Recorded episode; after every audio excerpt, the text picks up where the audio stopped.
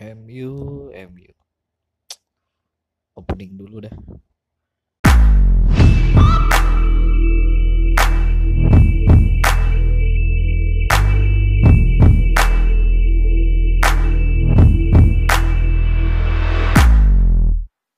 Oke, kembali lagi bersama gue Jeremy Laksamana di Inside Locker Room. Gila, udah lama banget nih nggak bikin podcast. Balik-balik langsung bahas yang mantap lah. Anjing, anjing MU, MU.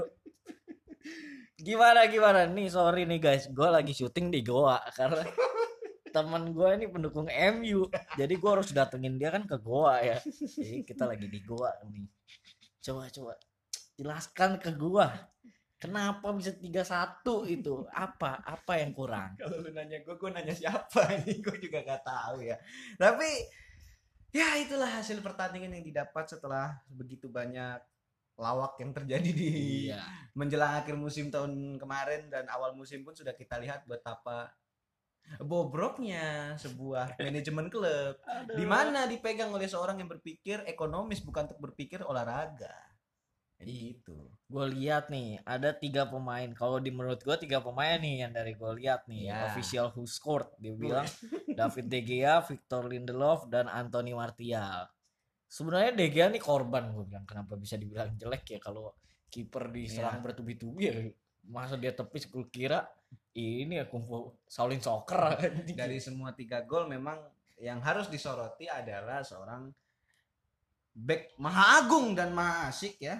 Back yang sangat-sangat luar biasa teragungkan namanya yaitu seorang Victor Lindelof. Victor Lindelof Karena- gila. karena karena seorang Lindelof dalam tiga gol kemarin tidak bisa beradu ya beradu beradu duel fisik itu tidak kuat lawan di gol ketiga sangat terlihat sekali Wilfried Zaha yang memenangkan pertandingan bahkan komentator Sky Sport Gary Neville pernah mengatakan Lindelof tidak cukup bagus untuk berhadapan satu lawan satu Mm-mm. sehingga Harry Maguire yang harus men- mengcover semuanya pun ya nggak bisa juga dong karena Iya, ditinggal benar. sendiri dan apalagi di menit ke-60-an sudah mendapat kartu kuning ya mau berbuat apa lagi kan Dan dia penyebab dari dapetnya penalti Crystal Palace. ya Lindelof. gol pertama tidak bisa tidak bisa membaca membaca pergerakan lawan membuat Jeffrey Slap bisa crossing, Towson bisa cetak gol. Gol kedua handball yang sebetulnya menurut beberapa komentator ini bisa diperdebatkan karena posisinya adalah eh, pemain eh, bola yang mendatang tangan bukan bukan Hmm. tangan yang secara sengaja dan bergerak aktif. Tetapi ini masih sangat sangat perdebatan karena aturan rule of law-nya kan semua tang kena tangan adalah penalti. Iya, Dan benar. ternyata tidak keberuntungannya tertambah lagi setelah penalti sudah bisa terselamatkan harus diulang. Jadi buat jadi gol kedua dan gol ketiga menjadi puncak amarah bagi seluruh mungkin bagi seluruh fans dan juga para mantan mantan para pemain MU bahwa duel satu lawan satu dengan Zaha sangat-sangat buruk kalah tak kalah body dan akhirnya bisa men- eh, membuat lubang yang cukup besar. De Gea sudah tidak bersebuah buat Iya. apa-apa. Jadi kalau melihat dari apa yang baru lu bilang dengan tiga pemain, De Gea sebetulnya tidak menjadi sorotan yang ber- yang harusnya kita soroti utama. Karena pertahanan Manchester United inilah yang menjadi sebuah jawaban mengapa di musim bisa itu ya? di last last di last match beberapa pekan terakhir itu United seakan-akan kayak aduh sudah tidak bisa berbuat apa-apa lagi. Semifinal kalah semua semuanya. Dan mereka pun menang lawan Leicester pun juga menang yang beruntung kayak gitu Nah, itu dari back hmm. karena itu kejebolannya eh, berarti menghasilkan gol untuk Crystal Palace. Hmm. Kenapa nggak bisa nyetak gol? Baru si Donny van de Beek yang jebolin. Ya, ini ada apa ini? inilah inilah sebuah realita yang harus diakui bahwa beberapa fans yang menyadari bahwa Ole Gunnar Solskjaer adalah pelatih yang sebetulnya bagus ketika membuat sebuah formula yang bagus di awal tetapi dia miskin taktik ketika sudah mau masuk ke pertengahan dan menit akhir. Hmm. Banyak pertandingan Manchester United dengan starting line up yang sama, dengan pemain yang sama dan dengan gaya main yang sama. Seakan-akan mengatakan bahwa ya inilah cara permainan kami yang sangat sangat terbaik begitu. Dan ini jelas menjadi sebuah kekhawatiran karena di pertandingan kemarin Manchester United lawan Crystal Palace, United tidak bermain dengan tempo yang sangat cepat. Satu, kedua, Crystal Palace menggunakan antitesis eh, antitesis yang bagus Hmm. yaitu dengan menumpuk delapan pemain di bagian lini pertahanan dan hanya menyisakan dua pemain Wilfried Zaha untuk menggebrak pertahanan dengan Jordan Ayew. Nah, ini kan menjadi sebuah pertanyaan. Kenapa? Pembelian pemain jelas menjadi sebuah alasan yang paling Betul. masuk akal dengan itu. Tetapi dengan pertandingan seperti kemarin kita kan nggak bisa memakai alasan satu per, ini ini baru pertandingan awal ini nggak bisa jadi alasan juga kan karena Iya. ya itu tadi penyerangannya sangat buntu bahkan menurut fakta yang baru tadi gue baca tiga pe- eh, pemain penyerang United yang dimainkan pada pertandingan kemarin ada Martial, ada Rashford, ada Dan James yang kemudian diganti Greenwood, ada Igalo dan ada Rashford. Semuanya tidak bisa menciptakan menciptakan sebuah shoot on target. Tidak bisa. Hanya Donny van de Beek yang baru masuk mengubah alur permainan sedikit. Ada sececah harapan, Iya. tetapi serangan balik kalah dan ya killing the game 3-1. pembukaan loh ini pembukaan dan gue menunggu-nunggu ya kata gue IPL nih wah MU belum main kata gue males lah gue bikin podcast kalau MU belum main gue mengharapkan sesuatu yang hmm, enak gitu buat dibikin jadi materi gitu. ternyata MU mengabulkan doanya MU memberi lawakan bagus di match pertama ya itu kan menjadi sebuah fakta bahwa pe- pekerjaan eh, ketika Manchester United berarti lapangan pekerjaan baru terbuka bagi para pe- pengkritik Manchester United betul ya. sekali betul Jadi itu menjadi sebuah hal yang bagus sisi positifnya, tapi kembali bahwa ini bu- menjadi alarm bu- bu- bukan saja alarm berarti ini sudah menjadi peringatan terakhir bahwa akan banyak orang mengatakan alasan ya ini baru baru pertandingan awal 37 pertandingan Iya. masih ada tapi dengan pemain yang ada dengan gaya permainan yang ada di atas lapangan dan dengan realita-realita itu sekarang semua sorotan ada kepada Manchester United. Kenapa? Chelsea sudah membeli pemain Betul, membuktikan sudah mereka sudah lebih bagus. Liverpool walaupun mereka baru mendatangkan pemain hanya Thiago, Simikas dan yang terbaru Jota, tapi gaya permainan mereka tetap tidak berubah dan lebih bagus. Tottenham Hotspur sempat kalah di pertandingan melawan Everton, tapi mereka sudah menggebrak dengan mendatangkan Bale dan Reguilon. Kemudian Arsenal dengan pembelian yang yang jitu kembali transfer gratis untuk Willian yang menjadi eh, yang tokcer dan Iya. gaya permainan Arteta mereka sudah lebih lebih sedikit lebih maju dan ya kita bisa melihat mereka dua pertandingan dan belum kalah. Everton James Rodriguez dan Ancelotti kita tidak bisa kita tidak usah komen itu sangat luar biasa. Leeds United baru promosi kalah pertandingan di lawan Liverpool 4-3 menang lawan Fulham dengan skor 4-3 pertandingan yang atraktif ya. dua match Atraktif. 7 gol gila atraktif yang belum kita lihat kan adalah Manchester City baru bertanding nanti iya tapi dengan pembelian Ferran Torres dan Ake ini sudah membuktikan bahwa yang dibutuhkan City sudah cukup. Sekarang pertanyaannya tinggal ini. Manchester United. Bang Udin Ini menjadi sebuah pertanyaan besar. Apa yang harus diperbuat ketika ketika sebuah klub yang pada dasarnya membutuhkan banyak perubahan, banyak pemain yang meng- me- lebih kreatif, tetapi justru tidak menggebrak dan tidak sama sekali tidak turun. Setidaknya kalaupun harus mendatangkan pemain ya harus melihat sisi yang mereka butuhkan. Iya, dan, betul, betul. dan yang harus diakui semua dibutuhkan Iya, di sini. iya. Lini pertahanan harus upgrade sih karena gue lihat di formasinya juga nggak berubah orang-orang ya dalam beberapa pertandingan berturut-turut seorang Ole Gunnar Solskjaer mengandalkan seorang Luke Shaw, Lindelof, Maguire, De Gea, Hmm. Paul Pogba, Bruno Fernandes, Marcus Rashford dan Martial pemain yang selalu bermain. Pertanyaannya sekarang adalah se- sekarang klub mana yang bisa mengandalkan semua pemain dengan gaya permainan yang yang memainkannya adalah possession football, bermain dari belakang ke depan dengan cara permainan seperti itu. Hmm. Bruno Fernandes bisa menjadi sebuah solusi ketika dia datang. Tapi di musim ini jelas kita tidak bisa mengharapkan itu untuk terulang kembali karena Betul. sudah mempunyai antisesisnya kembali.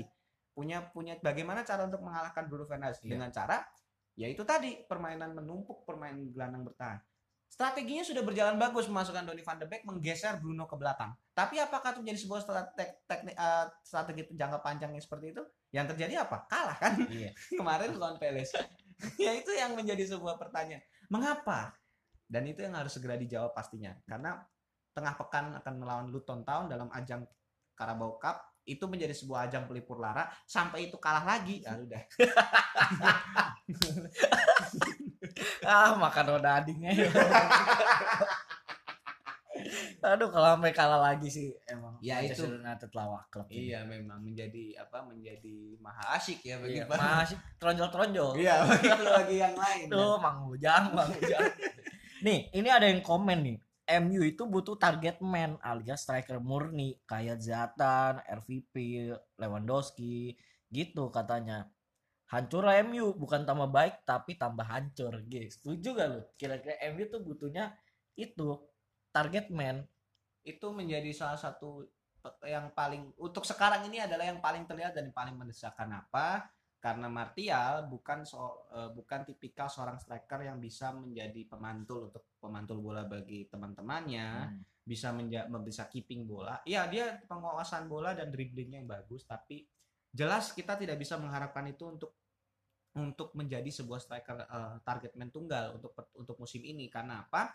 Karena tipikal gaya main yang dibutuh yang diperlihatkan Martial adalah cara pemain yang menusuk dengan rotasi dari dari sisi kiri dengan Hmm. Rashford. Dan itu jelas bukan ada bukan sebuah hal yang bagus untuk untuk sebuah klub yang tidak mempunyai striker murni. Yang punya yang mereka punya hanyalah seorang Odion Igalo yang mana belum mendapat kepercayaan. Iya. Dan satu-satunya yang satu-satunya menjadi sebuah mungkin bisa menjadi urgent adalah mungkin yaitu tadi mendatangkan seorang target man.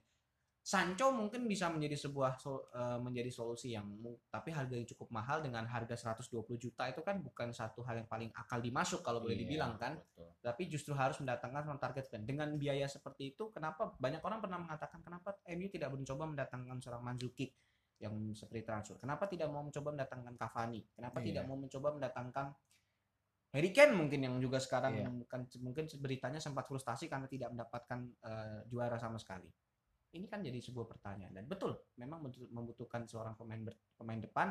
Tetapi kembali lagi apa pun yang dibeli pemain unit kalau kalau seandainya dengan gaya permainan seperti itu dengan strategi seperti itu dan kepercayaan oleh untuk meng- merotasi permainan tidak ada ya yang terjadi adalah kekalahan pertandingan yang membosankan menyenangkan bagi para klub kepulauan Iya kan. jadi seperti itu Menjadi maha asyik nonton ya kan. bagi yang tidak suka MU Tapi lu nonton full time sampai full 90 menit. menonton kemarin Rasanya gimana? rasanya ya ya baiklah rasanya kamar panas ya padahal padahal adem pakai AC ya. Emang Red Devil ini Ya, mantap lah. makanya Dulu ada yang komen lagi nih. Lah, kok De Gea dua back tengah tuh yang goblok katanya.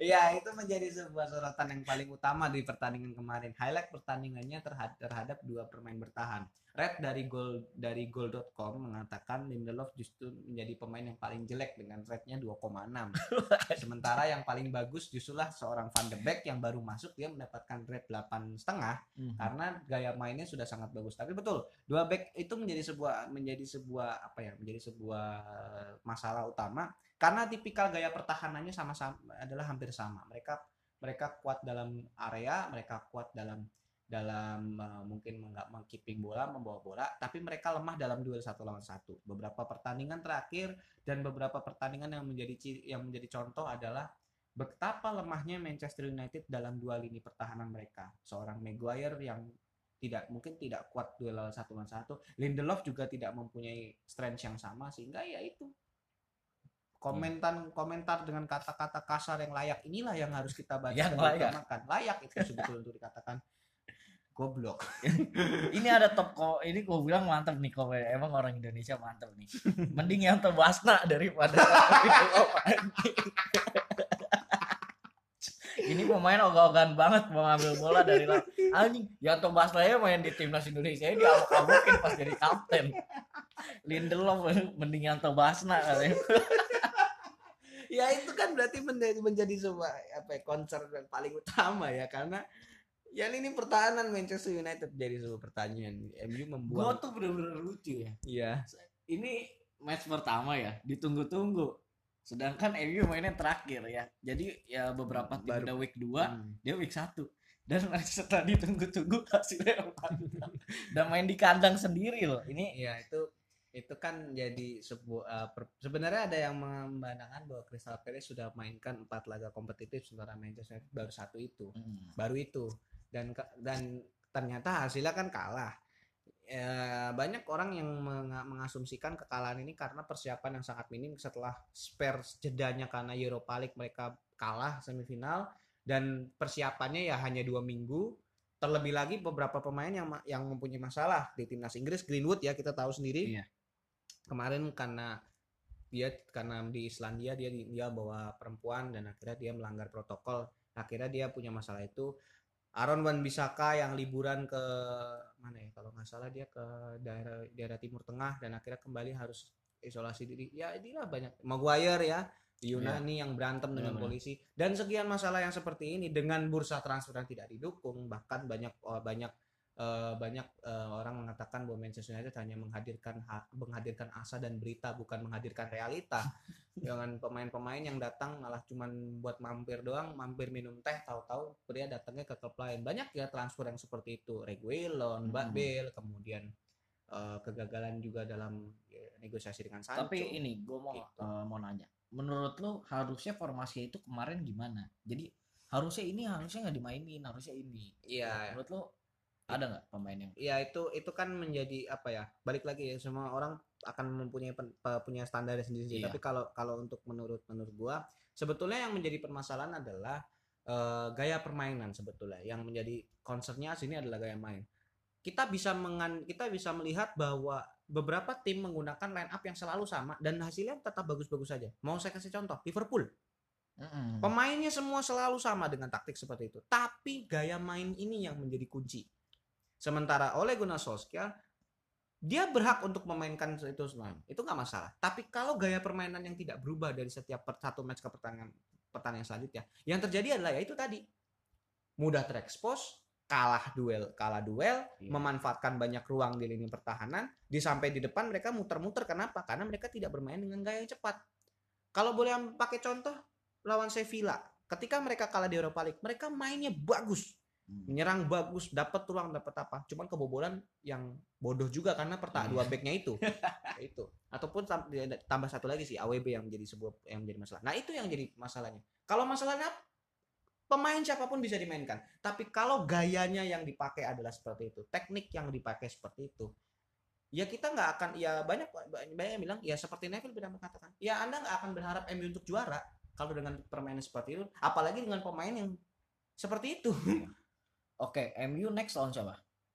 nextnya Manchester United itu kan nanti kan di EFL kan sebelumnya mereka akan berhadapan dengan Luton dalam ajang Carabao Cup Kalau IPL, IPL. itu kan menjadi kalau IPL eh, karena mereka jeda jeda pertandingan pertama mereka nggak main lawan Burnley kemudian kemudian eh, pertandingan ini melawan Palace ternyata pelipur lara ya Oke, lo- eh, yang di match yang selanjutnya ini nanti lawan siapa? Bukan IPL, yang selanjutnya pokoknya. selanjutnya kan MU nanti lawan itu Luton dalam Luton. ajang dalam ajang itu EFL Cup Kalau IPL, IPL lawan Brighton Brighton. Harapannya apa?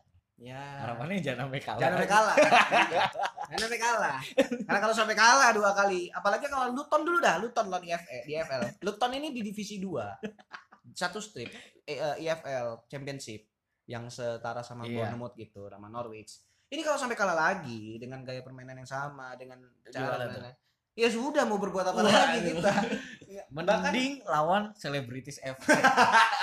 lawannya Judika. bahkan bahkan sampai kalau kalau begini akan saya katakan ya bisa saja kita saya harus merevisi omongan saya di podcast sebelumnya MU bisa saja tidak sampai pada papan empat besar lagi Hmm. gitu loh maka Iya. harus berbenah.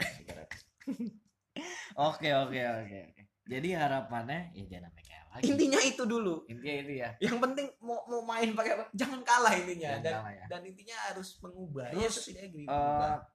rumor transfer untuk MU ap- siapa nih? kemarin ketika kemarin ketika membuka dari seorang jurnalis terutama Fabrizio Romano Iya. sebagai seorang yang paling diagungkan dalam Iya. bursa transfer ini ada yang mengat- eh, dia mengatakan Ale- Alex Telles yang akan segera datang back kiri dan satu lagi adalah winger. Nah, masalahnya wingernya kita belum tahu siapa. Rumornya Ismail Lassar, pemain Watford. Nggak mungkin Sancho lagi kan? Ya, itu berat sekali ya 120 juta itu kebodohan masyarakat kalau mau menawar di harga seperti itu. Apakah bisa dengan ekonomi yang sedang seperti ini tuh memang harus diakui memang berat. Tapi kalau tidak datangkan pemain sama sekali juga menjadi sebuah kebodohan juga. Kenapa? Karena melihat klub lain yang berbelanja semua, hampir semuanya kan belanja. Minimal ada yang dapat free transfer. Itu kan jadi Nah ini pertanyaannya kenapa tidak ada gitu loh. Kenapa? Tapi Fabrizio ini di Instagramnya ya, kalau sampai dia ngupload untuk MU rame loh pasti. iya, Yang kemarin Sancho tuh rame banget. iya, karena Kaunya tidak jadi. Iya, tidak tidak jadi kan. Ya itu bukan ya itu kan menjadi sebuah petanda bahwa banyak orang yang menantikan bursa transfer. Kenapa? Karena sekarang sorotannya tadi yang udah gue bilang, semua sorotannya di MU. Semua tadi dibeberkan, semua klub sudah berbelanja, semua Iya, klub sudah benar. menunjukkan taringnya. Sekarang Manchester United baru pertandingan pertama sudah menunjukkan mereka seperti ini kelasnya. ibaratnya kalau ibaratnya kalau semua sudah sampai OTW Semarang, dia masih di cawang berarti klub ini. Belum belum berjalan sama sekali. Iya, Nah, benar itu. benar. Oke, gitu deh. Pokoknya harapannya MU jangan kalah lagi. Pasti. Tapi kalau gue sebagai pembuat ini, ya udah kalah juga. Biar ada materi gitu kan, asik ya. Kalau MU kalah tuh asik banget. Karena banyak yang akan membahas ya. Iya, jadi eh episode selanjutnya kita lihat dulu nih, MU nanti kalah atau enggak nih. Apalagi di apa tadi? Hmm? Ya, Di EFL Cup. IFL Dia Cup. di Nah itu kalau Carabao kalah Cup, lagi, sorry, sorry, wah, wah itu udah, aduh. Lawan Luton Town intinya. Tim divisi 2 kalau sampai kalah lagi udah mending dagang es mambo aja udah. Es mampu anjing. sama beli minum teh sisri sama tijus aja udah nggak Iya. usah. Aduh, ikan dimakan tomat lah emang goblok. ya, itulah. Tapi nanti malam ada big match. Chelsea Liverpool. Liverpool. Iya. Betul. Ini seru sih, seru ya. Ya. Ini agak sedikit disinggung aja, seru. Jadi kemungkinan next episode kayaknya antara Chelsea dan Liverpool nih kita rekap. Untuk sekarang sampai di sini aja dulu ya. Iya, kita nonton dulu Kita- di sini. Karena di sini banyak nyamuk guys di goa nih. Iya kan?